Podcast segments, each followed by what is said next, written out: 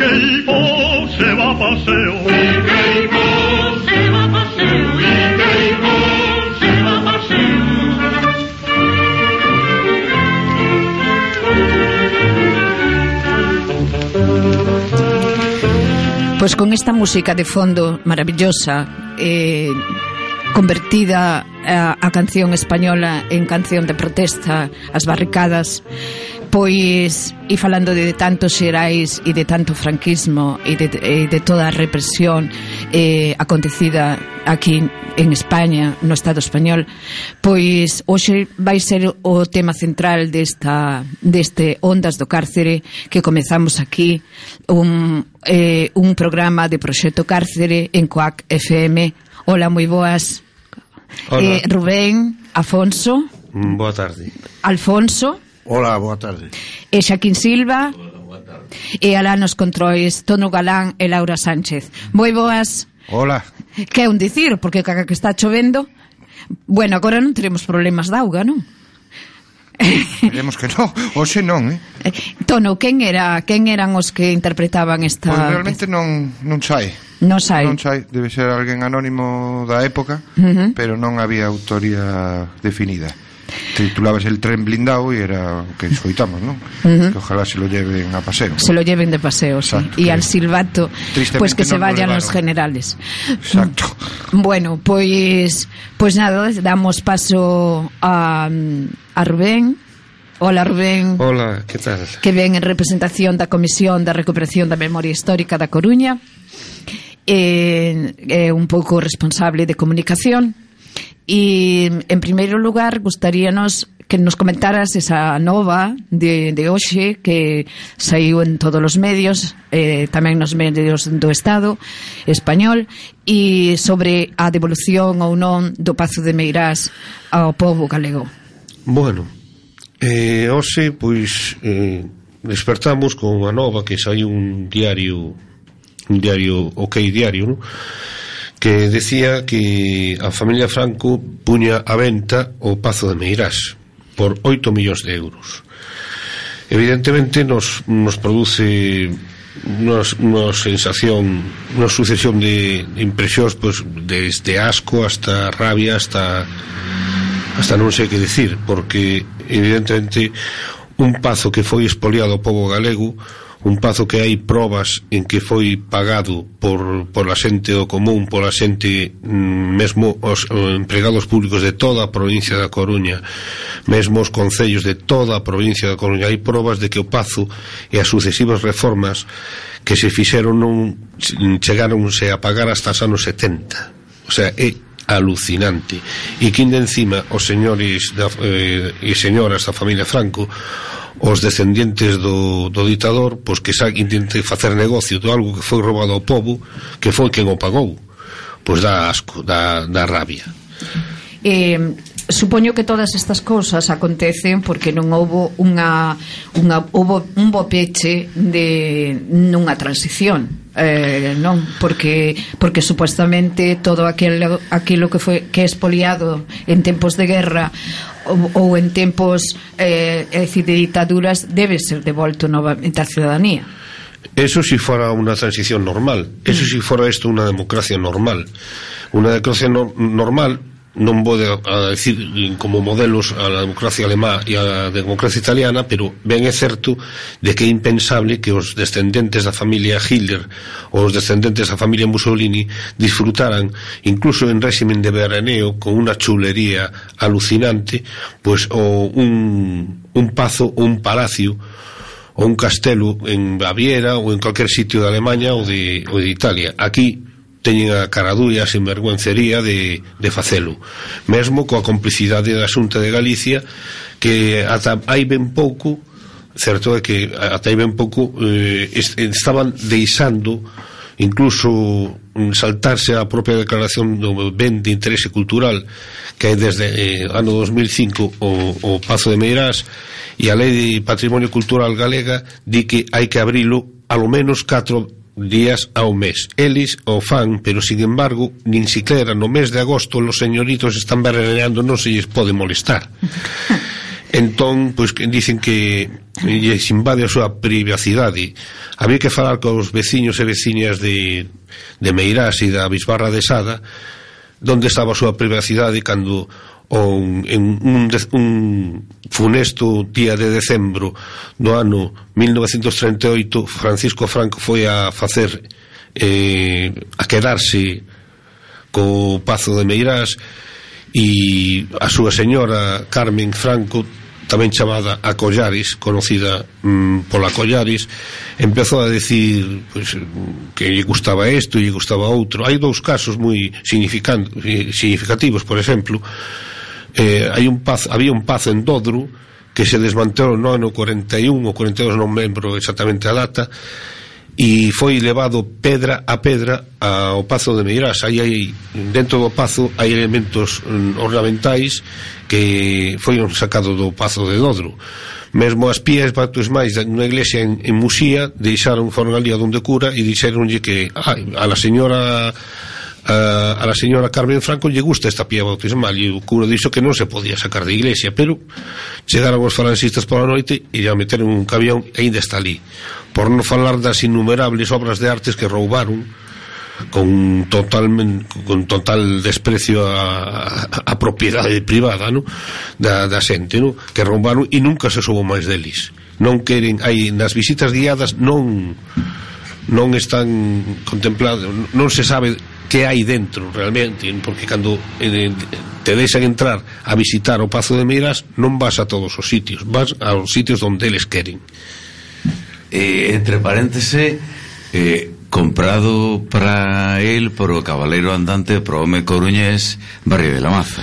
Sí, foi Barrio de la Maza quen organizou nos primeiros tempos, bueno, falo do ano 38, a, la Junta Producción, a, la Junta Pro Pazo de del caudi de Meirás, ¿no? un, unha especie de organismo que estaba dirixido pues, un, para facerlle a pelota a Franco e para regalarlo a, a Franco para a súa residencia veraniega. Que pasou? Que e, se intentou facer unha un, un desconto de todas as nóminas de todos os um, empregados públicos da, na provincia da Coruña hai tamén probas de que tamén os concellos da provincia puxeron cartos, mesmo creo que o Concello da Coruña puxo 25.000 pesetas a centón, un pastizal, un, un pastizal unha pasta, sí. unha pasta. Eh, e outros concellos tamén e agora pois están mesmo tamén foron casa por casa e hai probas tamén hai casa por casa a facer eh, a ver que se negaba naqueles tempos de, de horror naqueles tempos de represión a negar, no? que se a negar a, a darlle diñeiro a estes tributo tributaxe. No, tributo no, non un tributo, no. isto é un auténtico imposto eh, revolucionario. É un imposto sí, revolucionario. Sí, sí. Un auténtico imposto eh, revolucionario. no sentido feudal. Sí, o feudalismo, xa non sei se é feudalismo, pero isto é... Eh, sí. Eh, outra nova que está agora mesmo sobre a mesa é o tema do Valle dos Caídos eh, que se vos parece pois falamos un momentiño sobre sobre iso pero Rubén podes nos facer así unha, unha breve Bueno, dos caídos, pois pues, é o monumento a mm, que quiso Franco que, que, de, que a súa pirámide persoal, non? Eh, quería un, pasar a historia como un, un caudillo para a eternidade, pero hai que lembrar quen fixo o Val dos Caídos, non? Para empezar, non me gusta o nome. Non me gusta Val dos Caídos. Aquelo chamase Cuelgamuros. Sí. Uh -huh. Non é o Val dos Caídos, pero que caídos? os miles de persoas de obreiros e obreiros republicanos que foron presos políticos ali, que deron o seu sangue e deron o seu, a seu suor traballando para a construcción dese asqueroso monumento, eh, os caídos de, de Franco, porque Claro, nós, desde a Comisión pola Recuperación de Memoria Histórica, non estamos por unha revancha, queremos que pasar páxina, pero queremos o reconocimiento que se saiba a verdade, que se faga justiza e, na medida do posible, que se repare os danos feitos. Evidentemente, todos os caídos do bando mal chamado tamén nacional, do, banco, do bando franquista, todos tuveron o seu recoñecemento, mesmo a, aos seus descendientes había pois cargos públicos como de conserxes ou de bedeles en, en cantidade de sitios. Eh, Donde están os nosos avós? Se, según parece, eh, ademais ali hai enterradas en fosas comuns moitísima xente e, e din que non se, bueno, é, un, é unha reclamación eh, que se abran esas tumbas, eh, pero parece ser que a Iglesia novamente e oponse por unha cuestión de que a basílica daquela quedaría medio de, derruída. Que máis dará, non? Non, non é certo iso. Eso é que o, o abade, o prior, o abade, non sei exactamente cal é o escalafón, non estou moi posto. É, non estou eh, moi posto. É o prior. O prior, non estou moi posto na na cuestión da da xerarquía eclesiástica, pero bueno, respecto ás creencias de todo o mundo, pero eh foi o prior que non quiso que se exhumaran unos un, me parece que era unha familia de Aragón que se mm. chamaba La Peña, me parece, que foron a exixir os corpos no seu dereito a ter mm. un, unha sepultura digna dos seus antepasados, pois foron exixir os, cor, os corpos e o prior, o prior dixo que non se podía facer porque estaba invadindo a liberdade religiosa dunos señores, vale, a liberdade religiosa Me parece... A, aquí aquí falamos de liberdade de expresión e liberdade de creencias cando interesa e, e e, e, e sempre polos mesmos.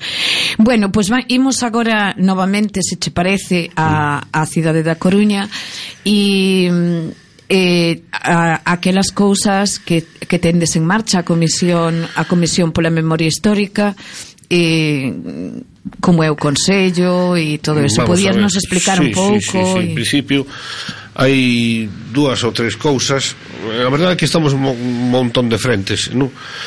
Eh, seguimos presentando libros, seguimos facendo divulgación de proxectos de recuperación da memoria histórica, seguimos colaborando co proxecto cárcere tamén para a recuperación dese edificio para a cidadanía, para facer usos civilizados e que se dé un enfoque eh, de recuperación da memoria histórica, a prol da recuperación da memoria histórica dese dese edificio infrautilizado, bueno, infrautilizado, non está non, utilizado. Non está utilizado. eh, pero tamén eh, estamos participando pois por exemplo no Consello Democrático da Memoria mm, da cidade da Coruña que é un organismo consultivo creado no Concello no que por fin no que por fin se de unha vez eh, a nivel institucional se está se está levando a cabo a discusión sobre os temas de memoria histórica que atinxen ao, ao eido municipal. Que é a primeira vez que se fai. É a primeira vez que se fai, nunca se fixo e eso significa que están representados pues, mm, todos os partidos que están ali representados no goberno municipal e tamén están representando as asociacións entre, entre outras a nosa e tamén a Universidade da Coruña que tamén ten algo que dicir aí e tamén hai historiadores e historiadoras. Uh -huh. Entón, mm, dentro dese, dese labor, estamos empezando con outro día tivemos unha xuntanza dun grupo de traballo sobre o estudio mm, que eh, podemos facer para intentar recuperar outra propiedade do Franco que temos no noso termo municipal, que é a, Casa, Casa Cornide. Cornide. Casa Cornide, que, bueno, eh, foi un capricho persoal de, de Carmen Franco, porque quería ter unha residencia dentro da cidade, pois non lle gustaba eso de vivir no campo, bueno, non sei, cosas de señoritas, de señoritingas, mellor dito, eh, mm, decidiu, pois, eh, Mm, facerse coa propiedade da Casa Cornide que utilizou un método bastante hábil porque eso a Casa Cornide ata que, que está antes, na cidade Bella está ¿no? na cidade Bella da Coruña antes foi unha escola uh -huh. e despois foi permutada foi permutada por dous terrenos eh, dous solares municipais e a escola pasou propiedade do Concello e foi mm, sometida despois a unha posa pública na cal asistiron dúas personas nada máis. En concreto, o xefe da Falange eh, da Falange da Coruña e Pedro Barría de la Maza. unha cosa bastante... Se, sempre está Barría por, está por, por o medio, medio. non? E evidentemente, pois, costoulle o negocio, pois, 305.000 pesetas das entón, no ano 62 eh, estamos traballando neso aí a ver que podemos facer aí eh, eh, exixides eh, a devolución No, en principio estamos estudando vale. Estamos estudando uh -huh. as posibilidades técnicas e legais que hai uh -huh. Outra pata na que estamos metidos tamén que é a próxima apertura da oficina sí. de atención ás vítimas do franquismo, que é unha bella reivindicación da Comisión pola Recuperación da Memoria Histórica da Coruña e eso pois está un pouco eh, estruturado do seguinte xeito. É un convenio entre o Concello e a Universidade da Coruña para eh, meter ali unha base de datos en un sitio que sexa municipal eh, facer unha base de datos de, de todas as vítimas do franquismo que se pode en, se pode eh, agrandarse, pode enriquecer con os datos que vayan surdindo. Evidentemente, unha das eivas que temos nesta democracia que non existe puntos de referencia para que as vítimas do franquismo saiban onde están os seus os seus seres queridos, que pasou con eles e todo iso. Afortunadamente están agromando non, en todo o Estado pois algunhas iniciativas neste sentido, por exemplo, en, en Vitoria, en Pamplona, en Zaragoza, etcétera, no? Barcelona, Valencia, e tamén a Coruña. Uh -huh. E próximamente vai a vai a empezar esta esta oficina de atención ás vítimas do franquismo. Pois moi interesante e, e, e moi e moi necesario e xa era hora. Sí. eh, mm, con respecto ao proxecto cárcere, é dicir, vos estades formades parte da, da asamblea dentro dos comezos, eh, como vedes a vosa a vosa implicación, posto que eh, mm, algunha destas cousas das que falache antes iban ou íanse incluir dentro da cárcere e agora pois non van a estar aí. Eh... No, sí, vamos a ver, en principio non está na nosa man, mm. dado que un é unha decisión municipal, uh -huh. non está na nosa man decir onde se teñen que facer xa, as cousas. Xa. Evidentemente non non está non podemos posicionarnos sobre iso. Eh, como ti dixeche moi ben, mm, somos socios fundadores do mm, proxecto, mm, sí. do proxecto Cárcere, e sempre participamos de unha forma, creo que bastante cordial, con respeto da, das formas de... De, de, de gobernanza. De gobernanza, e, e evidentemente... Mm, es, es, somos socios necesarios, non sei se somos necesarios, pero somos socios creo que bastante fieles. Sí, e por outro lado imprescindibles posto que eh, o cárcere non ten senso sin a súa sin a súa capacidade de memoria, non só a nivel a nivel de memoria histórica a, a, de tipo político, sino de toda a memoria tamén por de algunha maneira tamén histórica e política, posto que foi por, por necesidade, é dicir, sí. de toda a xente que pasou por aí e por defender as liberdades de tipo sexual e de tipo de outras moitas... Eh, mesmo mm, volvendo á cuestión dos polio, non? Quería dar outra outra sí, sí, noticia sí. que era eh, pois este ano todos os anos temos unha unha un, unha costum, costume, no, de en, celebrar o 14 de abril o 14 de abril, Día da República, mm, o celebramos con un, unha festividade lúdica, con unha serie de actos na semana e nas semanas anteriores, de diversa tipo, que está un pouco así por determinar, pero sempre nombramos unha persona republicana ou republicana de honra, uh -huh. para eh, un pouco salientar o esforzo que pois, fixeron esas personas a prol de, da, da defensa da, defensa da República, da legalidade, non? Uh -huh Este ano mm, a Asamblea da, da Comisión pola Recuperación do, do Membro Histórico decidiu eh, nomear Republicano de Honra 2018 a, a, a este home. Eh, joder, me salió isto no, no, no, es que esqueceches Miñones eh, eh, a Pepe Miñones Pepe Miñones. Mira, está Laura aí que non perde detalle Pe, Pepe Millones, moitas gracias Laura. Pepe Millones que é un, unha especie de reivindicación do espolio. Quen era Pepe Millones? Pois foi unha das persoas máis espoliadas da Coruña. Se alguén pode fachendear, fachendear desde o punto de vista irónico, no? eh, que, que foi espoliado foi Pepe Miñones. Pepe Miñones era un empresario que tuvo unha empresa de eh, electricidade era tamén herdeiro dunha banca -huh. O sea, era un home con un posible un nivel económico bastante tal. Que pasa? Que foi deputado por Acción Republicana e ao meu este nació en Corcubión.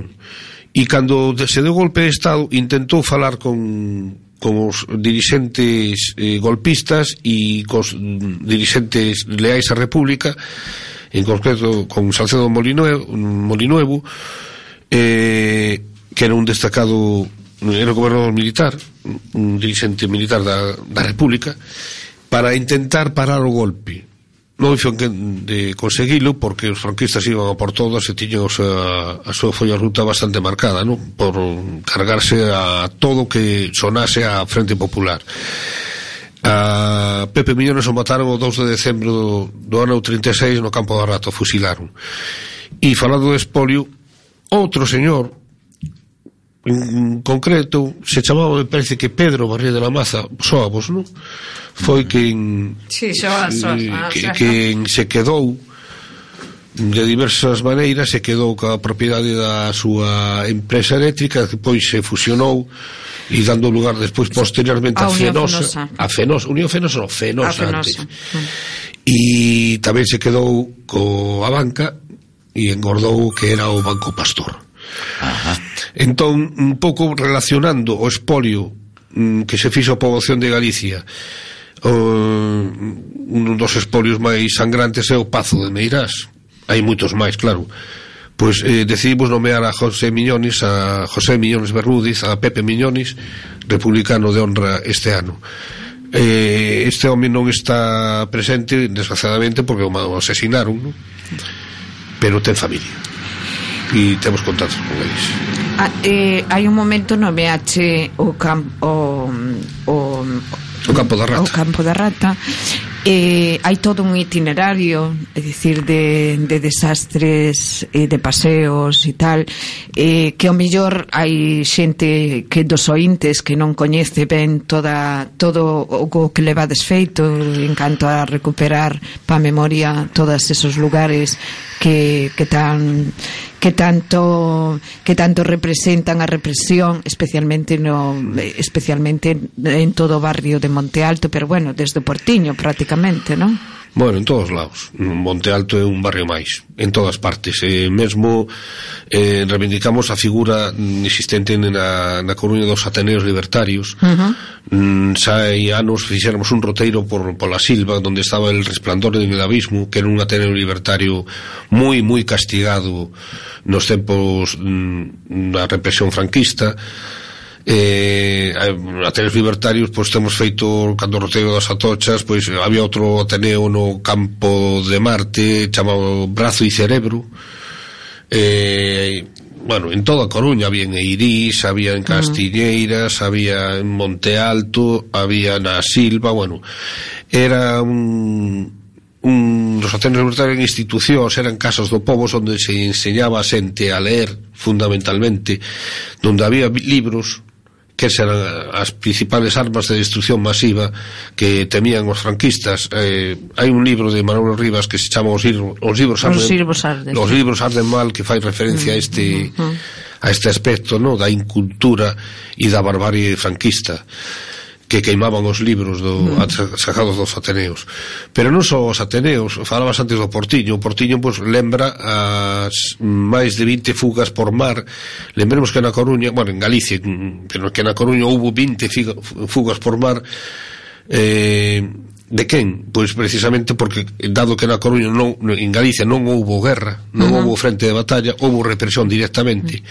Uh -huh. Os únicos que sobreviviron foron que de plantarlle caras coas armas ao franquismo foron aniquilados brutalmente en cuestión de horas ou de días.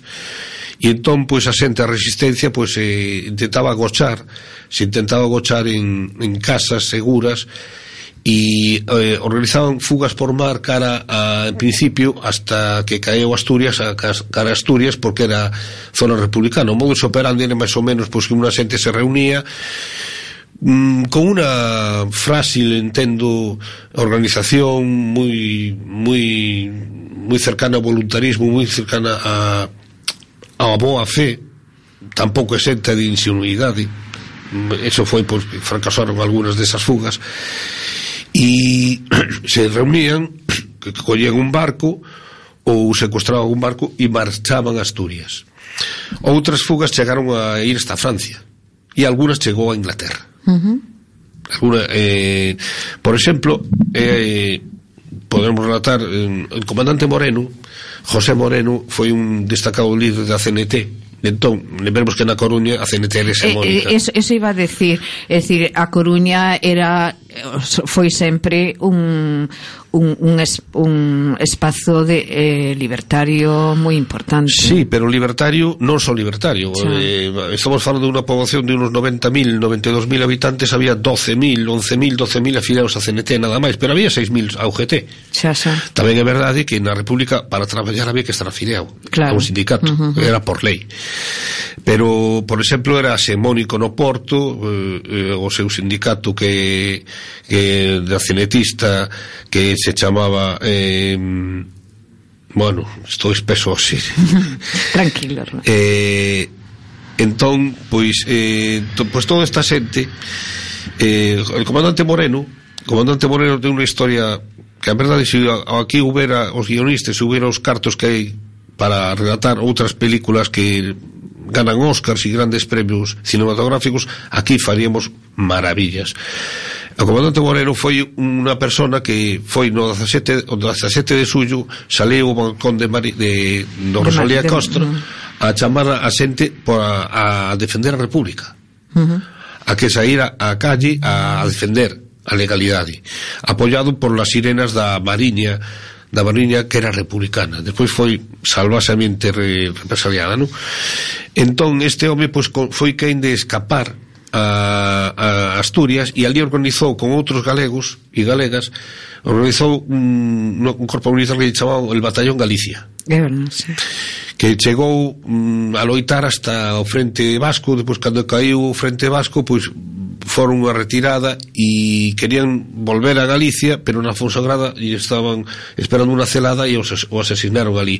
Hai unha fermosa canción popular que se chama La balada del comandante Moreno, que se, se conservou no folclore da, da, no saber tradicional da xente de a Fonsagrada, de Grande e de toda esa zona montañosa, limítrofe entre Asturias e, e Galicia, que Que narra, que narra esta Sí, sí, esta, está en Youtube Se si queredes, eh, tedes eh, inquietude Pois pues, poñedes en Youtube Balada del comandante Moreno E está está, está eso tal.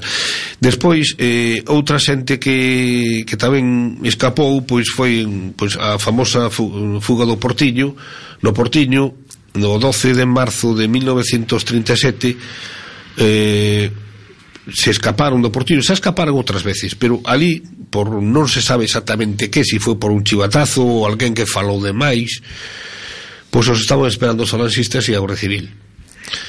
E ali, pois, mataron a bastante xente, serían unhas 100, cento e pico persoas, pois mataron a 12, 14, non me lembro exactamente, non teño na cabeza.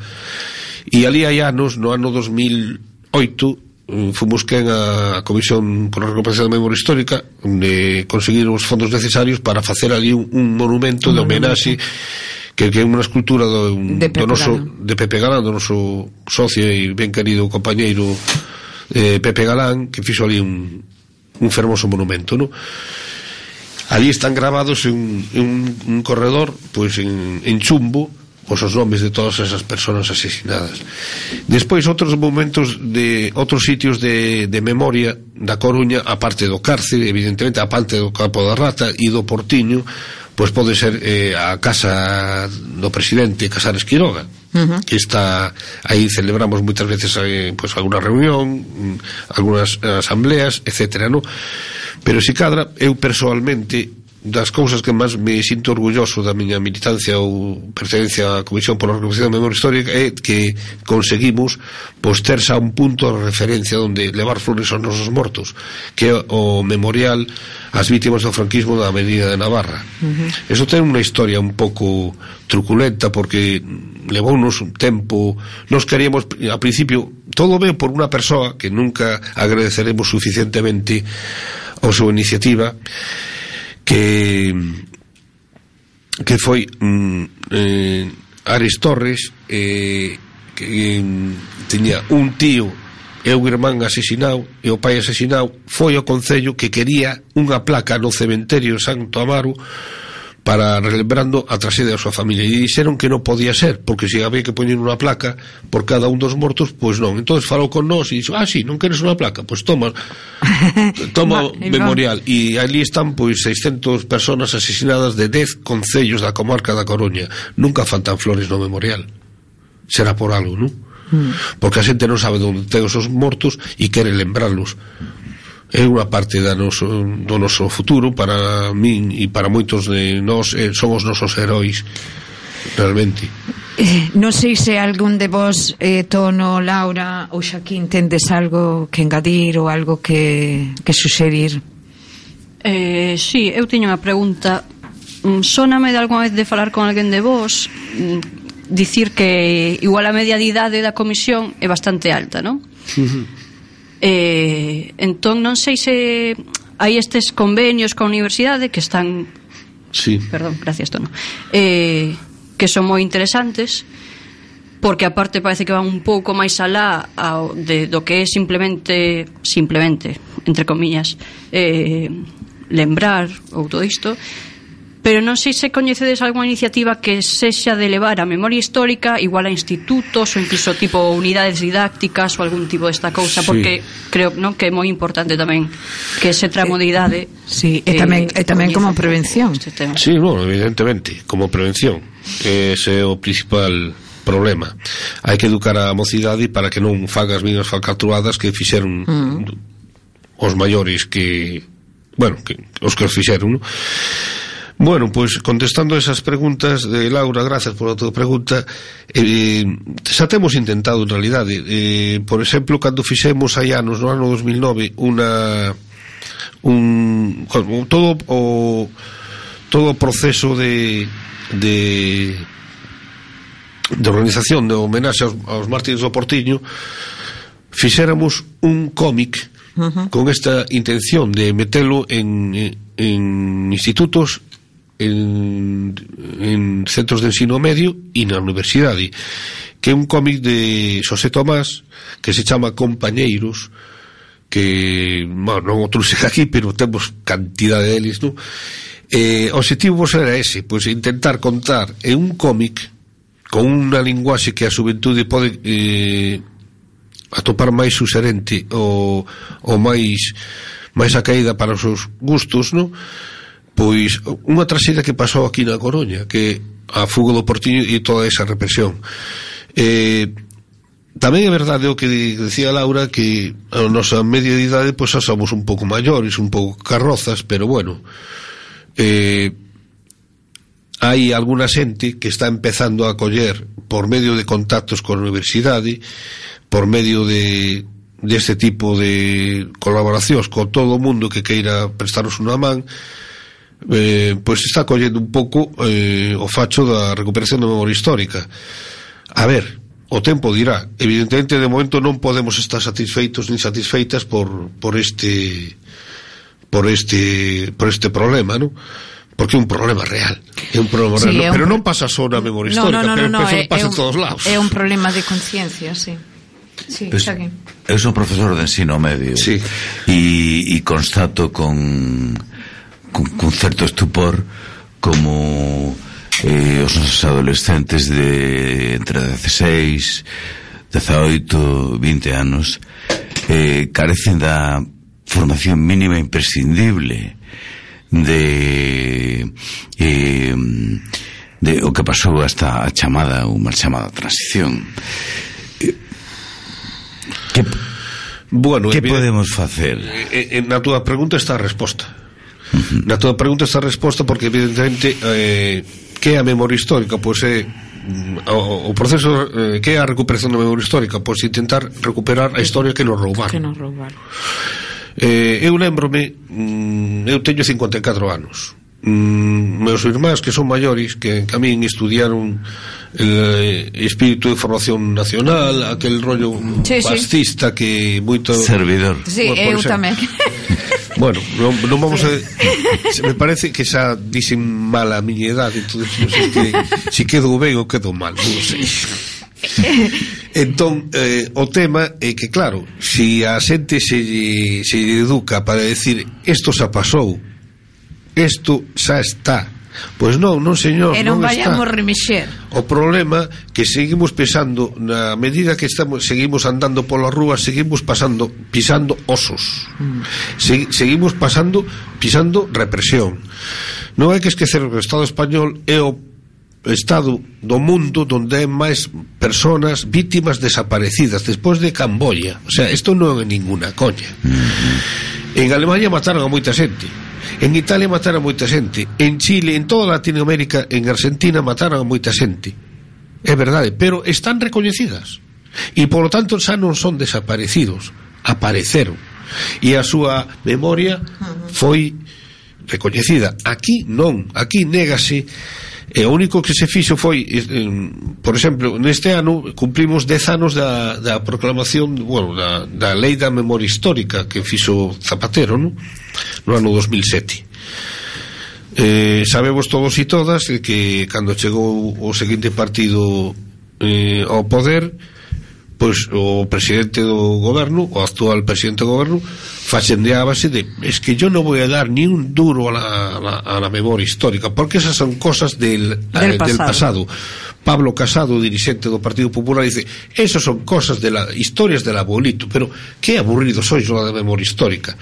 Claro, o son os mismos que subvencionan a exhumación, a exhumación é un, é un proceso pues, sí, que, coño, científico coño que é moi caro, non? Uh -huh. A exhumación dos fascistas que foron a loitar a Rusia con a División Azul. Ah, para eso sei diñeiro, non? Uh -huh. E para os nosos avós?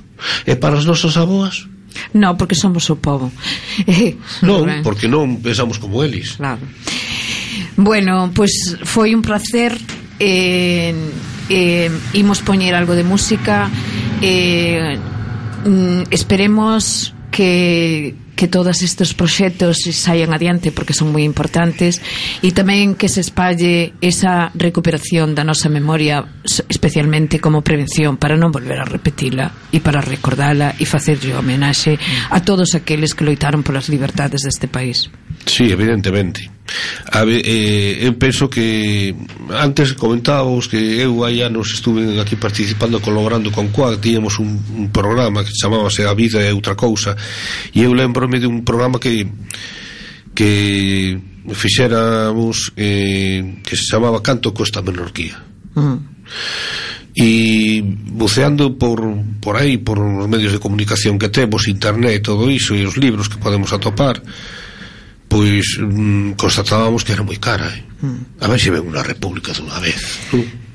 E salimos da subditanía. Sí. A ver, é que se non o digo Roberto. Vale. Viva a República. Viva a República. Bueno, Viva. pois imos sí. con un pouco de música e seguimos eh, con noso outro convidado e, e me parece que tamén hai unha convidada que ven despois máis tarde.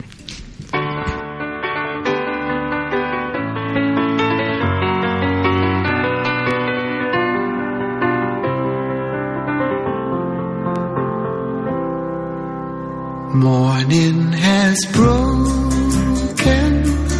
like the first morning. Blackbird has spoken like the first bird. Praise for the singing, praise for the morning, praise for them springing fresh from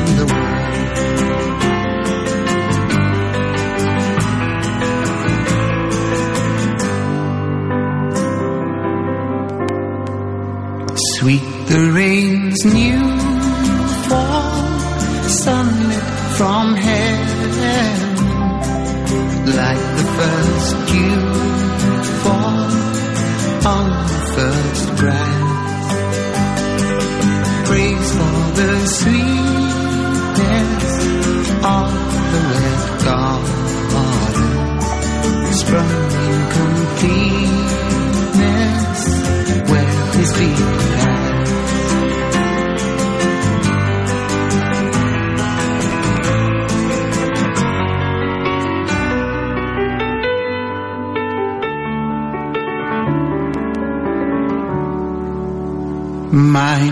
the sun.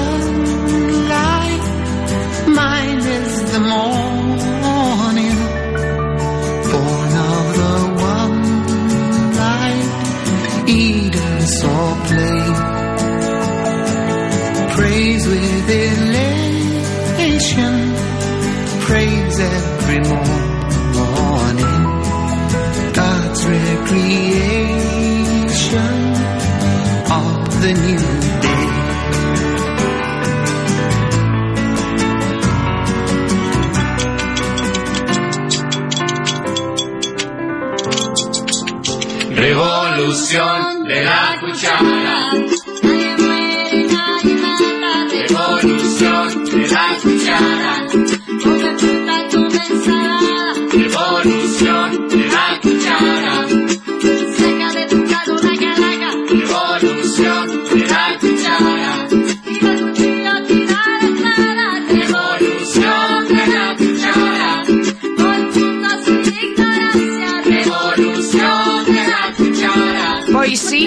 evolución de la cuchara e aquí temos a Alfonso eh, máis coñecido polo Hortas sí. e entón eh, Alfonso sí. ponte aquí no micro sí.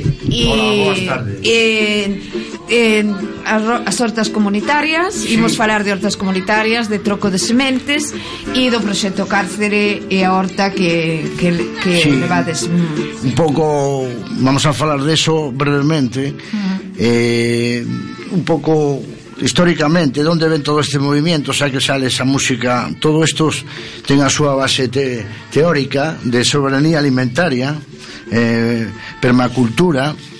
Isto empezou todo basicamente en Londres, de xente que, que está aquí. Falaba o compañeiro da, zona de, de Grandes de Salime toda esa zona tuvo un premio ahora eh, mm, aí toda esa zona dos Oscos, non? De, do Premio Princesa de Asturias actualmente. Non vou a alongarme moito, mm, vou a ser conciso e breve. Eh, bueno, eu identifícome como Alfonso Bryan de, das Hortas. Eh, é como un, un apodo, mm, porque hai outro que se chama Oito Hercios, que, que máis dos músicos e das técnicas estas de, de radio e amplificación de sonidos, non?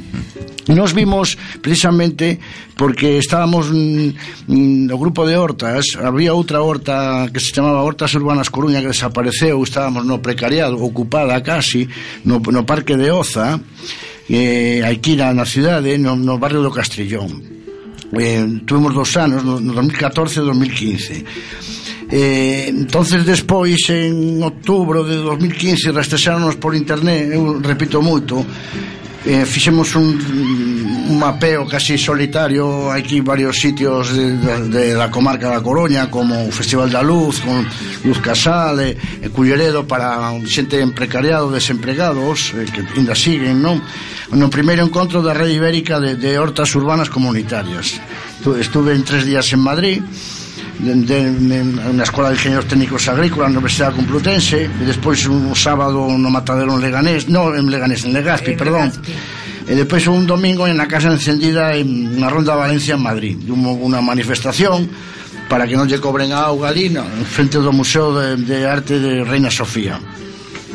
Bueno, despois ahora para difundir o que vai haber mañá precisamente, día 16 de, de, de febreiro, todo o día, vai haber o, o quinto encontro de, de, da Rede Galega de Sementes, que vai haber... Mm, eu asistí personalmente mm, tanto en, con Proxecto Cárcere na, no grupo de hortas como con a horta de, de Oza redes mm, urbanas de da Coruña a mesa de troco de sementes en Betanzos e na rúa Matadoiro, antigo Matadoiro e escolas unitarias que hai ali Entonces, eh, esto para que quede grabado, como va a ir por podcast o por internet, mm, eh, tengo un pouco dificultades, eh, bueno, é un pouco mm, casi facer un cursillo para contactar con eles. Chamase rede de sementes arroba saramaganta.info. Chamase Togo, coordinador, E os postos de ecolóxicos eh, de artesanía vai estar todo o día, de nove e media ás, ás 20 horas. Ten un teléfono que, que é 675-068-094 horario mm, vai haber aparte nas escolas unitarias, antergas escolas, ás 12 vai haber unha palestra de todos estes temas. Eh, o 14 un xantar comunal con foliada, gaiteiros, eh, E demais, música, folk, despois ás 16.30 unha xuntanza para, custo... para facer unha custodia de sementes autóctonas, o que se chama un banco de sementes, non? Uh -huh. Para que onde vai a estar a custodia, porque é un pouco itinerante, digamos entre Redondela, Forcarei, aquí Betanzos, que é a máis a máis do norte de Galicia é a máis grande, non? E despois ás 17.30 un obradoiro, mm, este é moi interesante porque sobre todo para os pais e nais porque mm, mm bueno eh, eh, bueno, este é o obradoiro de crianzas, ese vai ser ás 18.30. Pois non ten onde cuidar os, os, as crianzas, os nenos, as nenas, e para que ellos estén ali entretidos ca, eh, ca, vamos, cas plantas, non? E, sementar e demais unha escola de sementes de, de, de, de sacar a semente non? e tamén vai haber as, un obradoiro de inoculación de cogumelos nos troncos, como os que temos no parque de Carlos Casares, que é onde está a nosa aí en Monte Alto, fora do cárcere fora do cárcere está a horta non? nós temos que decir que que está compartida con a Asociación de Veciños Atochas Monte Alto Torre de Hércules eh, con Ecos do Sur eh, e todo eso temos un, unhas sinerxias todo en PDF o sea, perdón, PDF en un pendrive para que quede todo arquivado porque eu teño un papel para que non se perda todo o traballo que se fixo é un traballo, digamos, de precariado eh, unha cousa, sí. canta, canta xente estades na horta do Na horta mismo, cáncer? na horta mismo agora estamos. Mira, Tono Laura están presentes, son tamén do grupo de hortas eh, están eh, Beatriz eh, No, di, dime máis ou menos a cantidad de xente eh, ah, seis, sete. Hai, hai rotación. Tamén hubo estudios de sociólogos, politólogos da, da Universidade de, de, de aquí, da Coruña de, un, de Loga, porque hai outras na cidade que se mm. chaman uh -huh. cortas. Están quizás máis como decirlo, administrativamente en Eirís en, son en San Pedro de Bisma e no Mesoiro están, están a empezar agora eu chamei nos particularmente entonces leva máis requisitos digamos burocráticos non? entonces que quere decirse que fan, a min personalmente quereme facer un ou queríame facer un, o ano pasado un análisis sociolóxico uh -huh. cando eu fui á Universidade Complutense había un sociólogo ali que era Ballesteros da, da universidade que fixo isto do, polo tema de eu teño sálame un cursiño sálame un emprego marcho un anal... entonces quero decir que é fluido o grupo Ora, o, a día de hoxe somos eh, sete o outro día estivemos tres vale, vale. Entonces, a traballar eh, eh... Quedar, quedades as, os sábados a mañá? Si, as sábados a mañá as 11 da mañá agora vale. adiantouse unha hora eh, básicamente temos un grupo de, de Telegram que nos coordinamos un pouco E, e cando empece cando Ahora empeza... na primavera vai tamén o ritmo da horta, facer claro. grupos, sementar, vai co tempo das estacións pois todo isto, o calendario de, eh, sí. en inverno está máis, máis menos máis. menos traballo en, en primavera é eh, cando máis se traballa ahora. Bueno, sí. pois moitísimas grazas, sí. Alfonso. Vale. Eh, non sei se poñemos algo de música.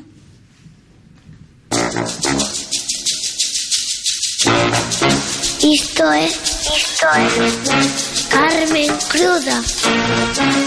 Carmen Cruda. Carmen Cruda.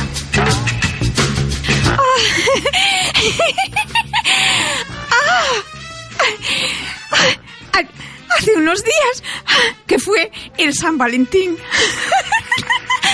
Ay, yo me regalaron un corazón, me regalaron todo rosa y es que yo yo soy rosa. Ah, ¡Oh! ¡Qué hombre! ¡Oh! ¿Qué? ¡Oh! ¡Pero qué guapo que es! ¡Oh! ¡Y qué joven! ¡Oh! Eh, oh, ¡Y me está mirando! ¡Que me mire, que me mire, que me mire, que me mire, que me mire! ¡Que no me mire, que no me mire! Oh, ¡Hola, chicas! ¿También buscáis a vuestro príncipe azul? ¿Es a mí? ¿Es se- a mí? Señorita, señorita, eh, contéñase un pouco que está na radio. Ah, eh, no, no, no, no, no, no, no, no, no. Ah, ¡Es a mí! ¡Hola! ¡Soy yo! Que está na radio. ¿Qué quieres No llevarme? radio. ¿De- ¿Qué me quieres llevar? ¡Oh! Me ha dado un azotito. Me debí portar mal.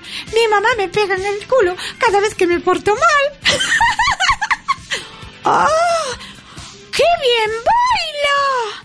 Ah, si es que me parece que estoy en la luna. Ay, mira, la luna. ¡Oh! Y ahora está dibujando un corazón para poner nuestros nombres. Y no Bue- necesita bueno, bueno, ve- ¡Ah! Veña pa aquí, muñeca, veña pa aquí, muñeca. Ande, ande. ¡Bolso! ¡No! Ah, no se me pone así ahora. ¡En mi bolso! ¡No! ¡No! ¡No! En él guardo mis poemillas de amor. ¿Quieres un poemilla de amor? ¿Quieres, quieres, quieres, quieres, quieres? Bueno, a verlo. Ah, A ver, diga, diga su poema de amor. El amor, el amor es como la Coca-Cola, que cuando se echa hace ¡plum! ¿Quieres otro poemilla? Oh, se fue. Mi amor, se fue. Ya no está. ¿Quieres ser tú mi príncipe azul? Seguro que él ha ido a buscar una flor para, para decirme si quiero, no quiero, si quiero, no quiero. Yo hago mucho eso. En la primavera. Teña, teña, teña. Aquí ten, aquí ten. tú mi príncipe azul. Mi mamá, mi mamá hace croquetas y hace albóndigas y va triturando así con un cuchillo así de grande, muy bien la carnicita. Le encantaría que las comieras tú y que las hicieras con ella. Y mi papá, mi papá usa una recortada y le encanta ir de caza.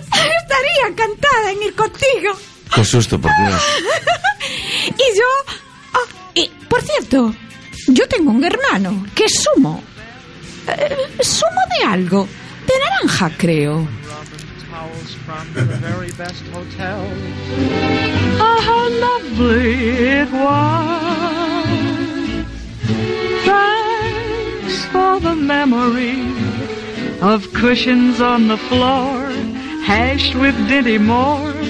That pair of gay pajamas that you bought and never wore. Say, by the way, whatever became of those pajamas? Huh? Huh? We said goodbye with a highball. Then I got as high as a steeple. Did you? But we were intelligent people. No tears, no fuss. Hooray for us.